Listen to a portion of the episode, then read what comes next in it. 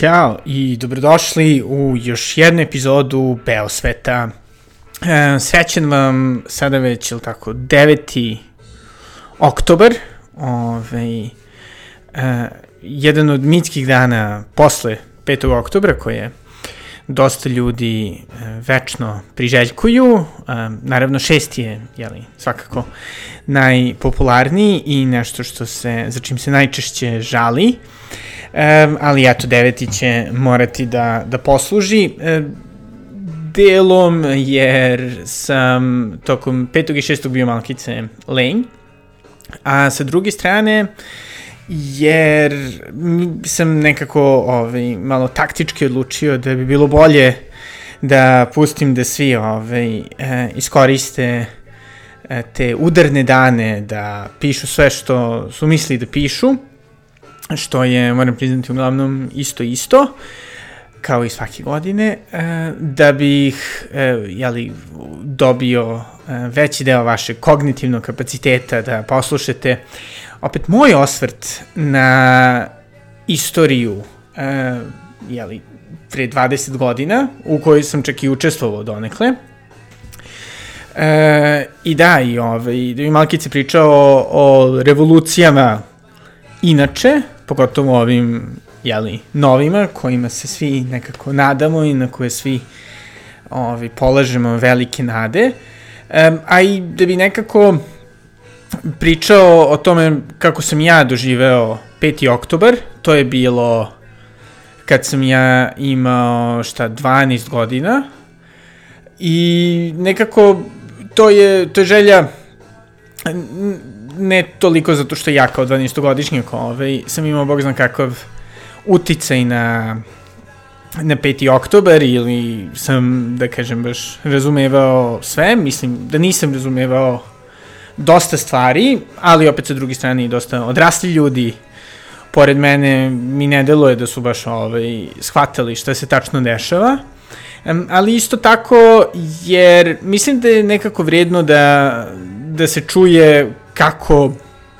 neki ljudi, ne nužno samo ljudi ovaj, koji imaju podcaste, e, se sećaju toga perioda, jer mi se čini da kao i za sve stvari, ovaj, se stvari nekako dosta menjaju i uklapaju u neke, da kažem, nove priče i koriste za neke nove političke poene, bilo za ljude koji su, obožavaju 5. oktober, bilo za ljude koji su izrazito protiv njega, E, I nekako možda da se da se ipak čuje kako je to vreme tada izgledalo, iako je li sada iz perspektive 12-godišnjeg mene. Pa ovaj, e, možda je jedan od razloga zbog koga se toliko sećam e, 5. oktobra, to što je moja porodica manje više kroz ceo moj život e, do tada bila onako dosta, da kažem, naivno politička. E, politika je bila, bio veliki deo našeg e, života, pričali smo o njoj često, ove, moji roditelji su jedni od onih ljudi koji misle da detetu ovaj, ne treba nametati neke ove, pretirane vrednosti, ne treba stavljati neke velike ograde, izuzev ove, toga da bude izloženo njihovim političkim stavovima, zašto sam im vrlo zahvalan, ovaj, mama, tata, znam da slušate, ovo nije kritika, već jednostavno činjenica. Tako da, nekako ono, 90, od 90-ih, 91. verovatno je prvi, ovaj, moje prvo sećanje na gledanje Skupštine, na koje su moji roditelji diskutovali šta oni misle o jeli, SPS u slobi, nisu bili oduševljeni, to mogu da vam kažem. Uh, um, ali nekako taj, da kažemo, ono, angažovaniji politički e, rad je nastupio za moju porodicu 97. 98. kada su moje mama i moje baka odlučile, to jest izvinite, 96. 97. Ovaj, kako smo mogli napraviti takvu grešku, jeli kad sam imao šta, 8 godina, ovaj, kada su moje mama i baka odlučile da me vode na proteste, jeli, koji su krenuli, jel tako, 17. novembra, posle pokradenih lokalnih izbora, e, i gde smo išli manje više svaki dan. Ovaj, sve to bilo bez ikakve, da kažem, stvarne političke ideje sa njihove strane, nisu bili članovi ni jedne partije, ni kasnije se nigde nisu ovaj, uključili, već su nekako svemu tome pristupali, ili smo tome pristupali, pošto sam ja bio deo svega toga, iz nekoga ovaj, uverenja o tome kako stvari treba da funkcionišu uz neku veru u to da je najveći problem Srbije ili Jugoslavije ovaj, Slobodan Milošević i da će, pošto on bude ovaj, sklonjen, ovde nastupiti dosta bolje vreme e, i da će zapravo Srbija se gotovo preko noći transformisati u nešto dosta bolje, to dosta bolje mi se čini uglavnom bila neka vizija zapada iz filmova, iako su moji roditelji dosta i putovali, imali dosta prijatelja koji su emigrirali iz Beograda, pa su pričali malo ove realnije priče o zapadu i naravno bili smo svesni da ni tamo stvari baš nisu sjajne, ali opet nekako i dalje ta vera da odjednom ovaj problema neće biti i što nas dovodi ali do 2000-te, ovaj, dok su protesti 96. 97. bili nekako dosta veseli i ovaj, imali gotovo taj neki karnevalski karakter, bila je fantastična muzika, dosta nje možete da čujete ovaj, u pozadini, fantastična produkcija B92, ovaj, taj fantastični pop, jeli, ovaj, oružijem protiv otmičara, Eva Brown, Jarboli i tako to, dalje ovaj, bendovi koje, koje obožavam da slušam nekako 2000-te nije bilo tog nekog ushićenja, već nekako se, se, se sećam tih protesta kao dosta mučnijih. Mislim da je to bilo delom i zbog demoralizacije u Srbiji ovaj, posle bombardovanja. Jednostavno, taj period 99. 2000. je zapravo period u koga se ne sećam vrlo detaljno, sećam se restrikcije struje, restrikcije vode, sećam se toga nekog ovaj, ambijentnog straha e, o tome da li će ponovo da bude bombardovanje iz nekog drugog razloga, šta će da se desi. E, Slobodan Milošević i Julija Spes nekako je samo delovalo da su nastavljali kako je bilo, naravno bilo je dosta priča o tome kako su stvari obnovljene pre roka, od strane Milutina Mrkonjića, kojima se moja porodica uglavnom ovaj, podsmijevala. E, I nekako je bio osjećaj da jednostavno je Srbija u, i Beograd, da su u nekom velikom glibu i jedina nada se polagala u te neke izbore i ponovo u e, svrgavanje Slobodana Miloševića, jer se nekako smatralo, makar u krugu kojim sam ja bio okružen, da će to da bude, da je to neophodno, da se osigura bilo kakva stvarna budućnost. Ove, ovaj, čini mi se ponovo da ni tada čak nije bilo Zapravo, da, tada je čak možda i bila neka konkretnija ideja, nekako sklanjanje Slobe Miloševića je tada delovalo kao nešto što će svakako osigurati mir i neku stabilnost, pošto mi se čini da je dosta ljudi jednostavno bilo prestrašeno posle bombardovanja, moja, moja porodica svakako. I tako da, da nekako to angažovanje ovaj, i podrška tome jeli, čudnom ovaj, Savjezu za promene, pa onda DOS-u, nekako više bila neka stvar koja se smatrala egzistencijalnom. Znači, ako smo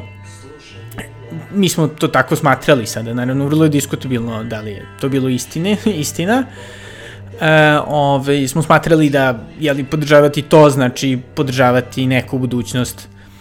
bez rata. Iako neki tačno detalji, konkretno jeli o tome kako bi će ekonomija izgledati, kako će privatizacija izgledati, nisu bile ovaj, toliko razmatrene. Sveći da je moj tata često pominjao to kako je Rusija jeli, pokradena i kako je po istočnoj Evropi zapravo već tada sve bilo ovaj, manje više uništeno, što se uništiti od državne imovine može i nekako on koji inače ima dosta ovaj, leve stavove i dalje ih ima, ovaj, smatrao da je to bila velika katastrofa i pribojavao se da će nešto slično desiti u Srbiji, ali nekako ovaj, to nije bila glavna, uh, glavna stvar za sećanje. E sada da da ne dužim toliko o tom ovaj, ambijent, ambijentu pred ovaj, 5. oktober, e, naravno krenuli su protesti čim se smatralo da su izbori jeli, ponovo pokradeni, da je zapravo Koštunica dobio odmah u prvom krugu, jeli, šta je to bilo, 24. 5. septembra. Um, I u tom trenutku su moji roditelji odlučili da više ne treba da idem u školu, toliko su bili pasionirani. Uh, što naravno meni tada nije smetalo, bio sam šta neki šesti razred. E, mislim da sam bio jedan od možda par ljudi iz moje, moga razreda koji to nisu e, koji nisu išli u školu kao neku vrstu protesta i išli smo da podržavamo jeli, te demonstracije verujući kako jeli će to da dovede do svrgavanja. Nismo nikada imali osjećaj da smo bili nešto preterano ugroženi i u nekoj opasnosti. Doduše, sećam se jeli, onih snimaka prebijanja otporaša koji su jeli, svima nama u porodici bili jeli, veliki uzori, ti mladi ljudi koji su se borili za bolju budućnost Srbije e, i jeli, cele tadašnje jeli, SR Jugoslavije. Moj tata ih je posebno voleo. Ja sam ih čak intervjuisao, valjda, mislim, u septembru za školski časopis. E, sećam se da, da sam ovaj, bio u njihovim prostorijama na uglu Kniz Mihajlove i e, Kralja Petra i naravno ideja tada je bila da se radi o mladim studentima koji su eto samo jednostavno odlučili da uzmu taj vrlo ovaj, kreativan pristup jeli, e, nenasilja i svrgavanja Miloševića kroz umetnost i kreativnost, e, koji tad delovao nama svima vrlo, vrlo uzbudljivo i divno. I da, i onda smo, ovaj, ali i onda smo naravno bili vrlo šokirani kada smo videli snimki njihovog prebijanja. Uglavnom, mislim da, mislim da tada B92 je zapravo bio već oboren, tako da da, moguće da, da su to bile neke proto-internet ovaj, objave koje smo, koje smo gledali, više se ne sjećam nikako, ali sećam se vrlo, vrlo dobro onoga prebijenja u tadašnje, ili maršala Tulbuhina sada, to jest, izvinite, nije maršala Tulbuhina, zapravo da, Tulbuhinovoj, da, u Mekenzijevoj, trenutno i koje nam je bilo prilično onako zastrašujuće. E, I da, i sada da dođemo do, do 5. oktobra, što je bio jedini trenutak kada sam se ja tokom svoga, ovaj, tada već dugog pro protestnog staža zapravo plašio za sigurnost, naravno ovaj, bez, bez ikakvog Uh, naravno, ne može da se poredi sa bombardovanjem, ali da, sećam se da smo, da je nekako bio taj osjećaj da je 5. oktobar dan D uh, i da mi definitivno moramo tu da budemo. Um, prvo smo došli do moje bake koja je živela dosta blizu Skupštine. E, tu nas je ona koja je inače bila vrlo uzbuđena oko protesta, već savjetovala da nikako, nikako... Zapravo da, došli smo do njenog stana da bismo uzeli stvari e, koje bi nas štitile od e, ovoga suzavca, jer smo nekako očekivali da će da bude opasnije nego normalno. Baka je zapravo bila u bolnici, mislim da je tada imala infarkt, i da nas je ona obaveštavala šta se dešava i ovaj, kako je. Ako se dobro, ako se dobro sećam. I da, evo, ovo je naravno kako, kako se u, u ovoj epizodi donekle radi o ovaj, tom sećanju i promenama sećanja, eto možete da vidite kako čak, iako ste nešto proživeli, ovaj, ne morate nužno da se baš svega sećate sjajno. I sada sećam se kako smo išli u Stakovsku ka e, toj velikoj masi ljudi koja je bila ispred Skupštine, to su bili i policajci, i nekako, da, delovalo je u početku kao protest kao i svaki drugi, Međutim, u jednom trenutku bili smo u masi blizu, um, blizu one kao smatrečnice, jeli na uglu Miloša Velikog i zapravo da tadašnji jeli, trga Marksa i Engelsa, to je trga Nikole Pašića, preko puta Skupštine, kada smo osetili to neku veliku veliko komešanje, neko je rekao puštaj suzavac, upali su u Skupštinu i moji roditelji su odmah krenuli da trče sa mnom, ove, stavili smo te šaleve ili gaze ili šta smo već poneli, natopljene vodom na lice i krenuli smo da trčimo dole niz Andriće venac, pa nekako da što dalje odemo, ali kako smo jeli parkirali blizu ugla George Washingtona i Takovske, ovaj, nekako smo ipak morali da, da prođemo tu. I onda mislim da smo trčali I sad je bio dosta debelo dete, tako da se vrlo dobro sećamo ovaj, trčanje, koliko je to bilo strašno. Ali smo trčali skoro skroz do Slavije i onda smo Beogradskom se spustili dole do 27. marta i onda se vratili, ušli u kola, otišli do našeg tadašnjeg stana na Zvezdari, uključili smo radio, mislim da je bio radio indeks, i tada što je možda, jeli bilo sat, dva posle prvoga pokušaja upada u Skupštinu, nekako nismo baš dobijali osjećaj da sve ide po planu. Ove, delovalo je da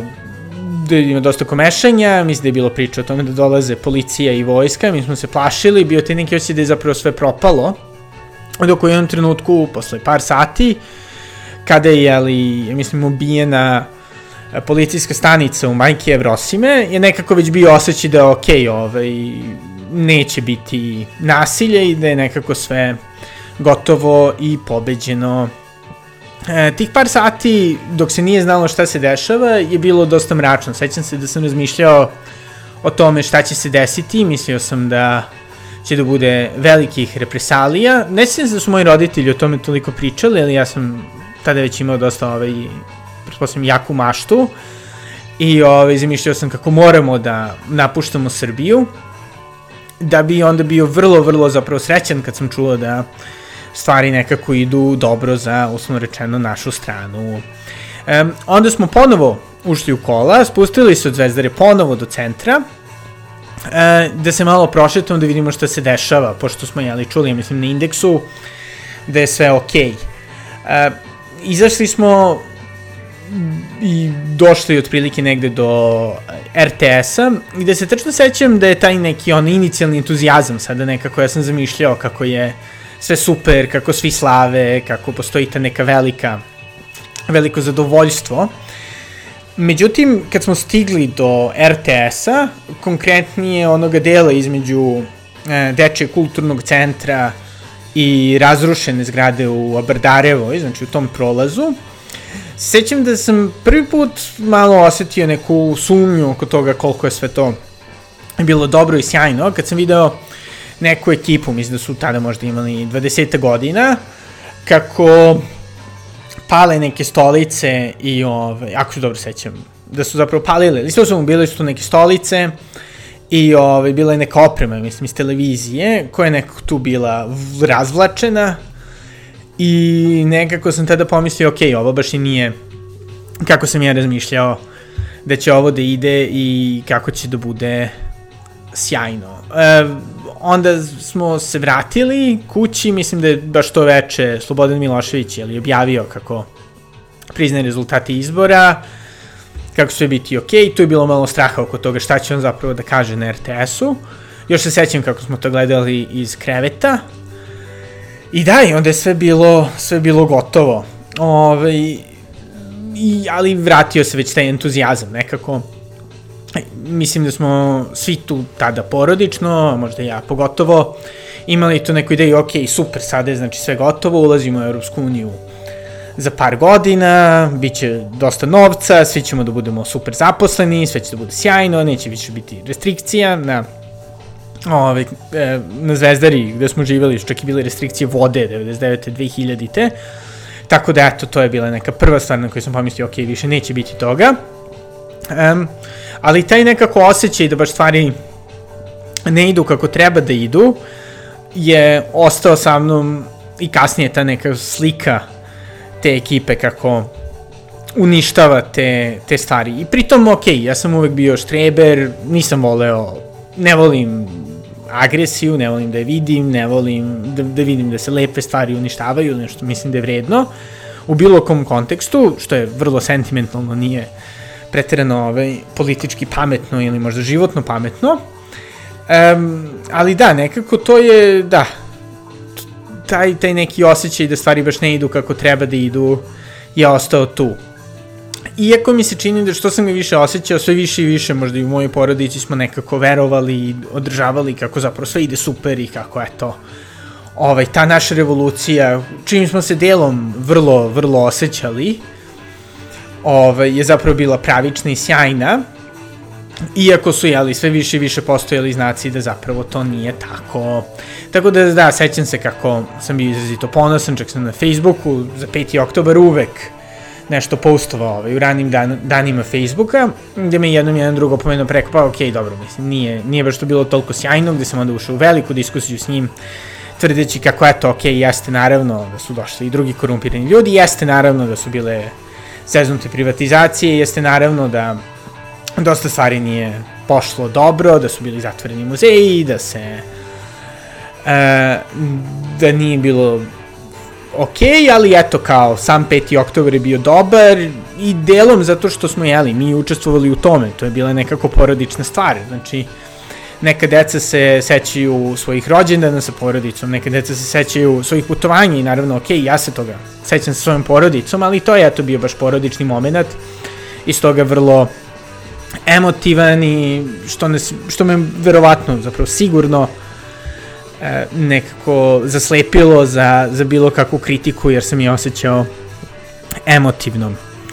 Tako da da, to je, to je 5. oktober i nekako za mene bio um, i nekako ta, ta ideja da je sve to zapravo bilo dosta naivno i divno je ostala sa mnom dosta dugo. Tek se možda pre godinu, dve e, krenuo da čitam malo više ovaj, o tim nekim zakulisnim radnjama iza, jeli, o ovaj, učešću e, stranih država u 5. oktobru, o njihovom finansiranju otpora, o jeli, korišćenju taktika koje je razvio Gene Sharp, e, jeli, tim nenasilnim ovaj, tehnikama koje su ti moji heroji iz otpora iz, eto, jednostavno smislili u mojoj uh, u mojoj misli, zapravo su bile smišljene još 60. godina uh, u ovaj, Cambridgeu, u Massachusettsu, kao način za borbu protiv Sovjeta. Uh, I nekako, kad god bih slušao te stvari, bi bio naravno fasciniran, zašto volim da, da, da slušam te, da kažem, skrivene istorije. Uh, Um, ali opet sa druge strane nekako sam osjećao tu neku tugu i, i prosto kao neku vrstu uvrede za to moje sećanje, ali 5. oktobra nekako. To je bilo nešto što je trebalo da bude 100% čisto, 100% divno, ali eto, kao ipak na kraju se ispostavilo e, da, em što možda učešće moje porodice nije bilo toliko presudno kao učešće ovaj, e, nekih ljudi sa strane, već i nekako e, da možda sve te stvari koje sam mislio da su bile greške su od jeli, užasnih privatizacija, gubitaka poslova dosta ljudi, te neke borbe za vlast i nekih vrlo čudnih poteza koje su vlade posle, koje smo uglavnom porodično pridržavali, moram da kažem, podržavali, ovaj, e, moram da priznam, nažalost, donekle, o, iz te perspektive je delovalo da ima smisla. E, da, da su one možda čak i bile jeli, deo, deo plana, a ne toliko deo grešaka i jeli, ljudskih, ljudskih problema. Um, I, I onda mi je nekako bilo dosta zanimljivo i imao sam taj ono, negativan osjećaj o 5. oktobru, manje više do 5. oktobra i neko sam rekao, ok, dobro, ajde, i tu smo bili nasamareni, sve to nije bilo fair, ali opet mi se čini da, da nekako oba oba su tačne, jeli? Naravno, sa jedne strane, to jeste svakako bilo dosta režirano i stvari nisu bile toliko naivne i nekako, ovaj, eh, da kažem, hipermoralne kao što sam razmišljao i kao što dosta ljudi voli da razmišlja koji brane 5. oktober, ali opet sa druge strane mi se čini da, da je sada možda klatno otišlo previše na drugu stranu, um, to jest na tu stranu, da se nekako uh, potencira to kako su jeli, ljudi bili izmanipulisani, kako je sve to neko sa strane radio, što zapravo nije istina. Mislim, postoje stvaran, stvarno nezadovoljstvo. Uh, Beograd i Srbija su stvarno bili u problemima sada svakako ne možda isključivo zbog Miloševića, ali svakako u velikoj meri zbog njega i njegove vlasti i jednostavno bila je potrebna promena. E, ljudi, dosta ljudi je osjećalo to, tako da nekako ta ideja da je baš zapravo sve bilo izmanipulisano i glupo, mi se čini da, da ne stoji. Takođe, baš 5. oktobra sam ovaj, pitao ljude na Twitteru, kao pa dobro, šta oni misle da bi, da nije bilo 5. oktobra, šta bi se desilo, to jest da nije uspeo taj prvi protest i zapravo ali da, da jeli navedu ne katastrofične scenarije koje je naravno ovi su post 5. oktobarski dobitnici naravno potencirali da bi Srbija bila uništena i da bi nekako ponovo bili bombardovani sve bilo užasno, već nekako šta bi realno bio najoptimistički scenario, da se to nije desilo. I što je najsmešnije, čak i oni koji su ga kritikovali su nekako smatrali da bi zapravo se sve nekako manje više uh, ovaj, završilo isto. To jest da bi bili drugi pokušaj protiv Miloševića i da bi oni ali na kraju ipak morao da ode ili da značajno, značajno reformiše ove, svoju vlast koja bi je dovela manje više da izgleda kao, jeli, vlast DOS-a posle. E, što je nekako meni sada deluje kao neka realna stvar. Sada naravno postoji dosta ljudi koji nemaju tu, da kažem, pragmatičnu kritiku ovaj 5. oktobra, već smatraju da jeli čak i ako bi se stvari realno dešavale kako su se dešavale i imale pozitivne i negativne posledice kao što su imale, da zapravo je bilo izrazito nemoralno e, se udružiti sa ljudima sa zapada da bi se Milošević svrgao, e, što je jedna vrsta kritike koja dolazi iz, iz određenog, da kažem, prilično moralnog e, stanovišta i pogleda na politiku, ali mi se nekako čini da to moralno stanovište, nažalost, e, nije, nije ono koje ikada zapravo pobeđuje iz prostog razloga zato što ako vodite zemlju od, ne znam, 7 ili 10 miliona ljudi, e, ja mislim da dobrih 80-90% prihvate svoju zemlju i svoju vlast isključivo kao ljude koji ipak treba da im pružaju nešto izuzev toga osjećaja moralne superiornosti i da kažem etički dobrih odluka koje su u krajnjem slučaju ovaj vrlo u, u, mislim ta neka ideja apsolutnog morala možda baš i nije toliko široko prihvaćena, tako da čak iako bi neko gledao isključivo na taj način, ovaj, mislim, zapravo ako bi svi isključivo gledali politiku kroz moral, a ne kroz stomak, e, ovaj, čini mi se da, da možda ne bi baš došli do takvih zaključaka i ne bi smatrali da je to toliko nemoralno. Tako da, nekako, ne znam, mislim možda jednostavno čini mi se malo realistički, ne u smislu realniji, ali ovaj, nekako politički realistički pristup politici. Um, a, koji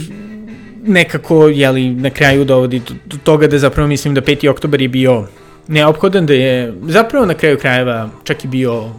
bolji nego gori, uh, da je to jedna od stvari koje su, nažalost, bile neumitne ili na sreću bile neumitne i da svakako ovaj, Jugoslavija ili Srbija sa Slobodanom Miloševićem na vlasti dalje, jednostavno ne bi baš bila toliko sjajno mesto za život i da je, iako je bilo užasnih, užasnih propusta i zaista ovaj, strašnih um, strašne korupcije, strašne uh, strašne manipulacije narodom i tom nekom dobrom voljom, da je ipak koliko toliko jeli, vredelo. Um, ali opet nekako mi se čini da, da je to neko shvatanje 5. oktobra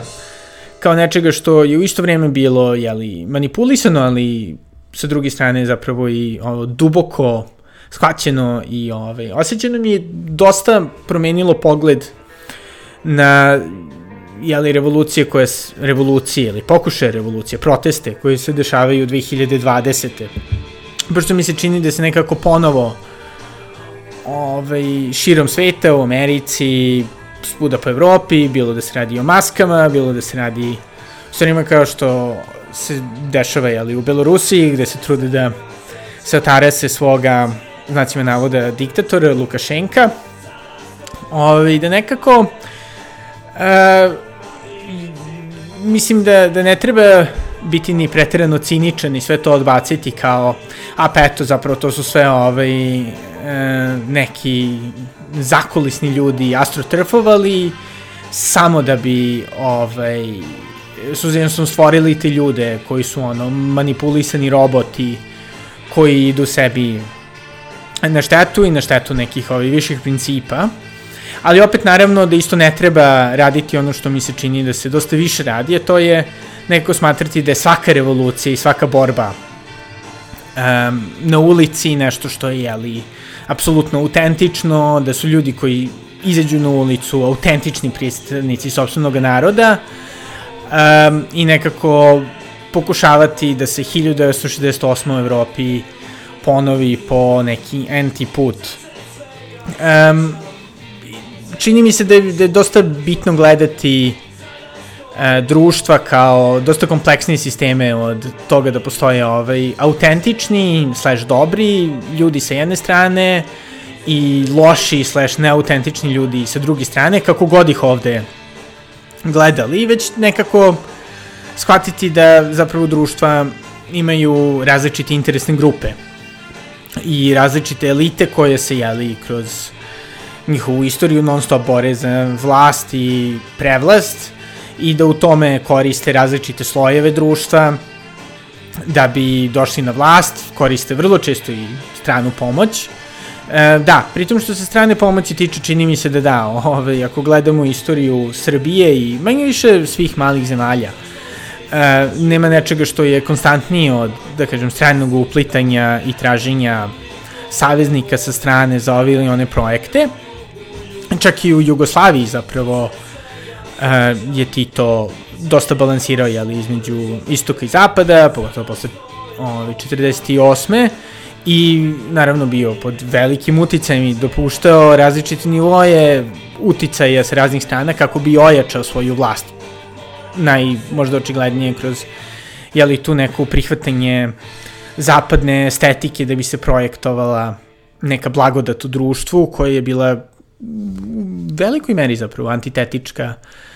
tim nekim, da kažem, inicijalnim revolucionarnim idejama. Da, tako da nekako ono, iako razumem da, da mi kao narod sa nekom ono, istorijskom svešću o revolucijama kao dobrim stvarima teško možemo da baš nekako ovaj, uh, razmišljamo o revolucijama kao stvarima koje nisu nužno dobre, čini mi se da je dosta bitno e, shvatiti da su one isključivo jedno od mnogih oružija u političkoj borbi koje nije ni bolje ni gore samo po sebi od drugih stvari kao što su recimo izbori ili ovaj otkud znamo ovaj secesije ili dobro sve su to ekstremnije stvari ili ili drugi načini svrgavanja vlasti E, ali svakako jesu, da, prilično dramatične. E, čini mi se da, da nekako u tome shvatanju mi je baš dosta pomoglo to što sam ovih meseci čitao Petera Trčina, um, koji nekako je postao dosta popularan zato što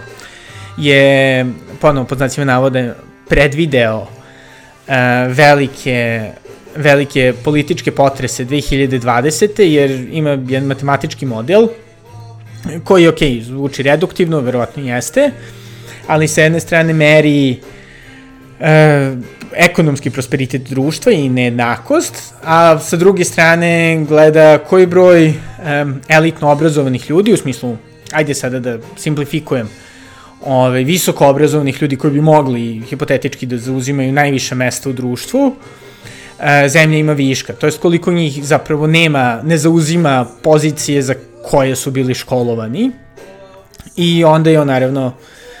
e, mislim ne naravno, ali ovaj, onda je izračunao kako zbog jeli, e, usporavanja privrede na zapadu, jeli, krize koja se desila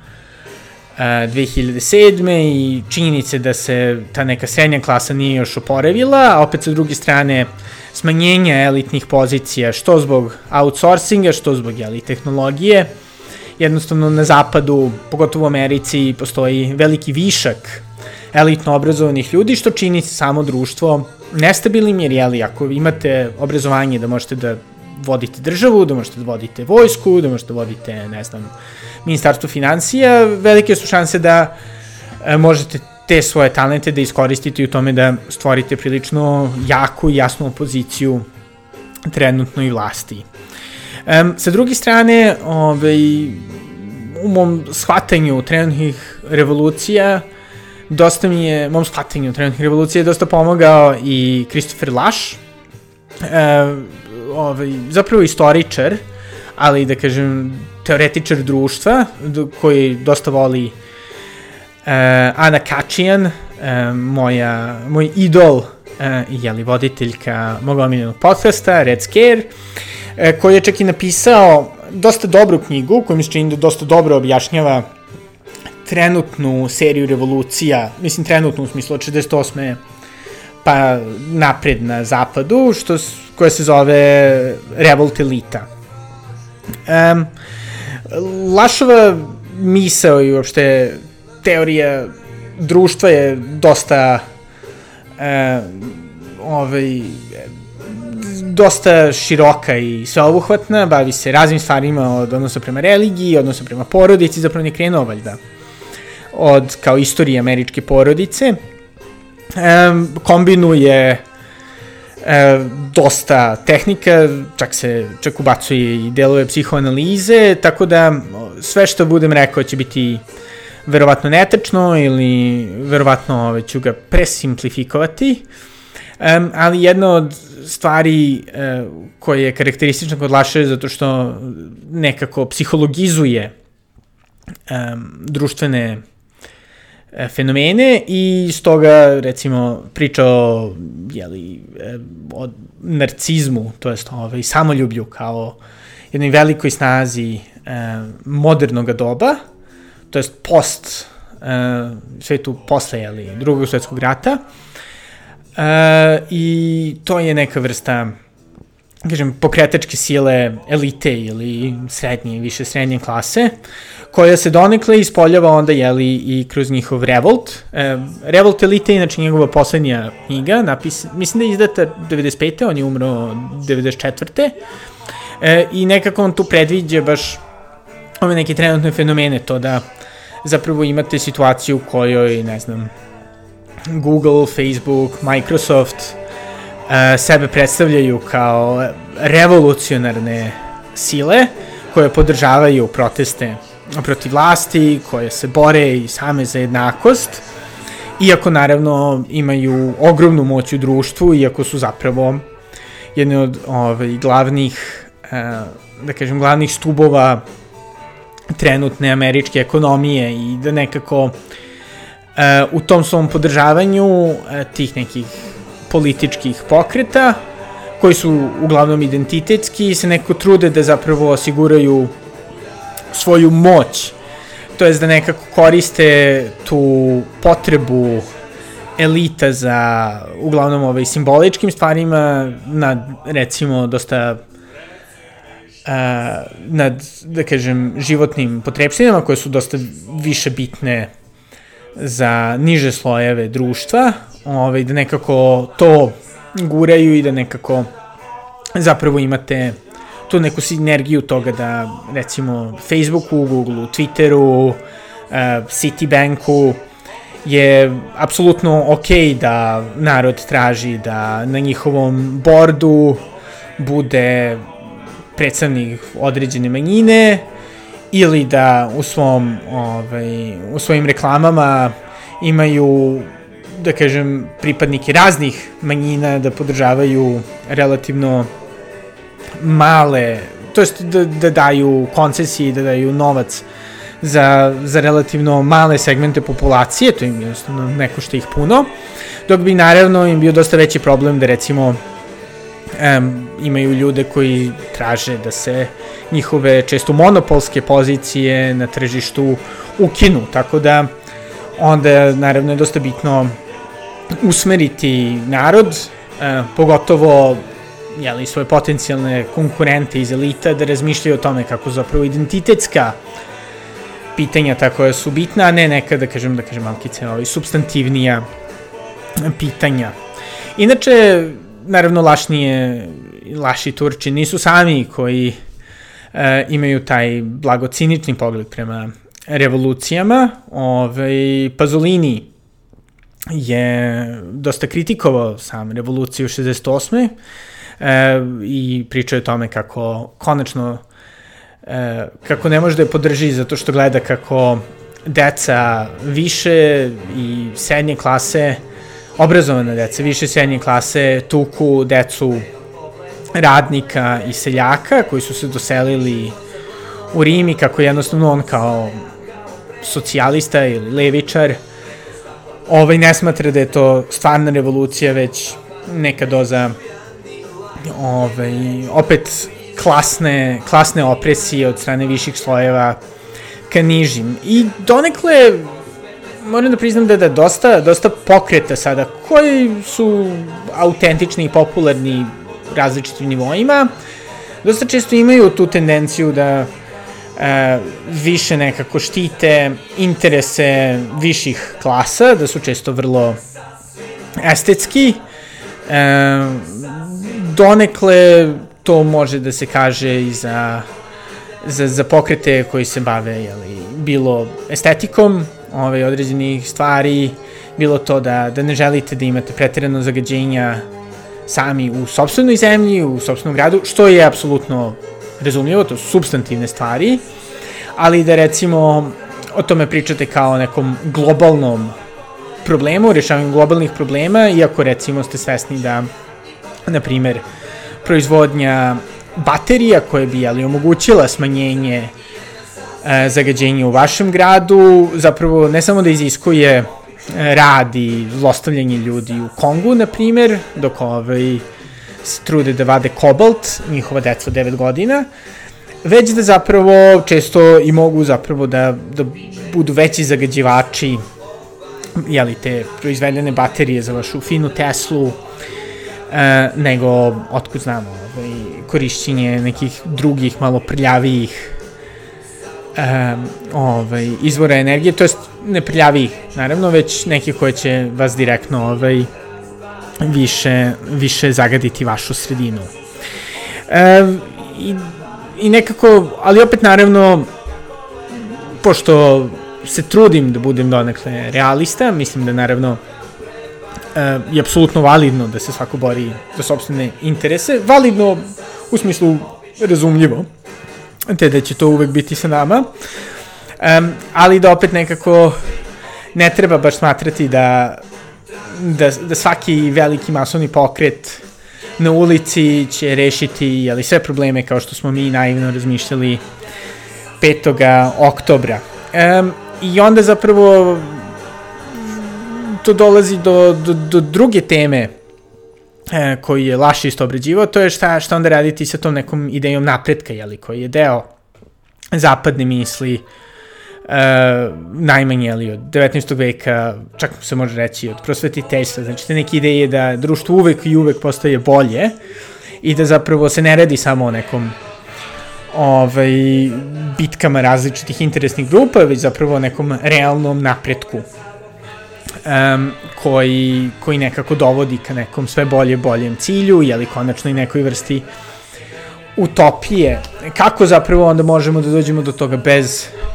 revolucija ili kako još treba da dođemo do toga. E pa laš, i sa tim se zapravo slažem, ovaj, mislim da je ta ideja napretka uh, i zapravo laž. Uh, naravno, ovaj, ne, ne osporavam toliko činjenicu da su se, na primjer, životni standardi zapravo popravili, već jednostavno ne smatra da nužno društva imaju određeni cilj, da ona na kraju postoji neke vrste zemaljskih utopija i da zapravo nema te količine revolucije ili opet sa druge strane ovaj, izbora ili promena političkog uređenja koje će nužno dovesti do, do te utopije. Um, I ajde za kraj, pošto čini mi se da, da već dužim, skoro smo na 50 minuta, ovaj, da zapravo završim sa tim što on nudi kao ovaj, alternativu tome. To je donekle, pa može se reći, ne religija, koliko neka, da kažem, religiozni sentiment. Čak se zapravo, jeli, revolt elite završava e, delom u kome on diskutuje religiju. Ali sada bih volio da vas ostavim sa njegovom e, njegovim mislima iz njegove fantastične knjige koja se bavi jeli, progresom koja se zove The True and Only Heaven, Progress and its Critics, to jest jedan, jedan i jedini pravi raj, progres i njegovi kritičari, pa gde on kaže sada ovaj, e, prevodim dok, e, dok čitam, tako da izvinite što neće biti toliko elegantan kraj kao što možda bi trebalo da bude. E, znači, on priča ovde jeli, u razlici između nade i optimizma, pa kaže, um, ako možemo da razlikujemo nadu od konvencionalnijeg odnosa koji se trenutno smatra optimizmom, ako razmišljamo o nadi kao uh, cr karakternoj crti, temperamentalnoj predispoziciji, a ne uh, proceni direkcije istorijske promene, možemo da vidimo kako nas ona, to jest nada, uh, bolje služi u prolasku kroz um, turbulentne, turbulentne vode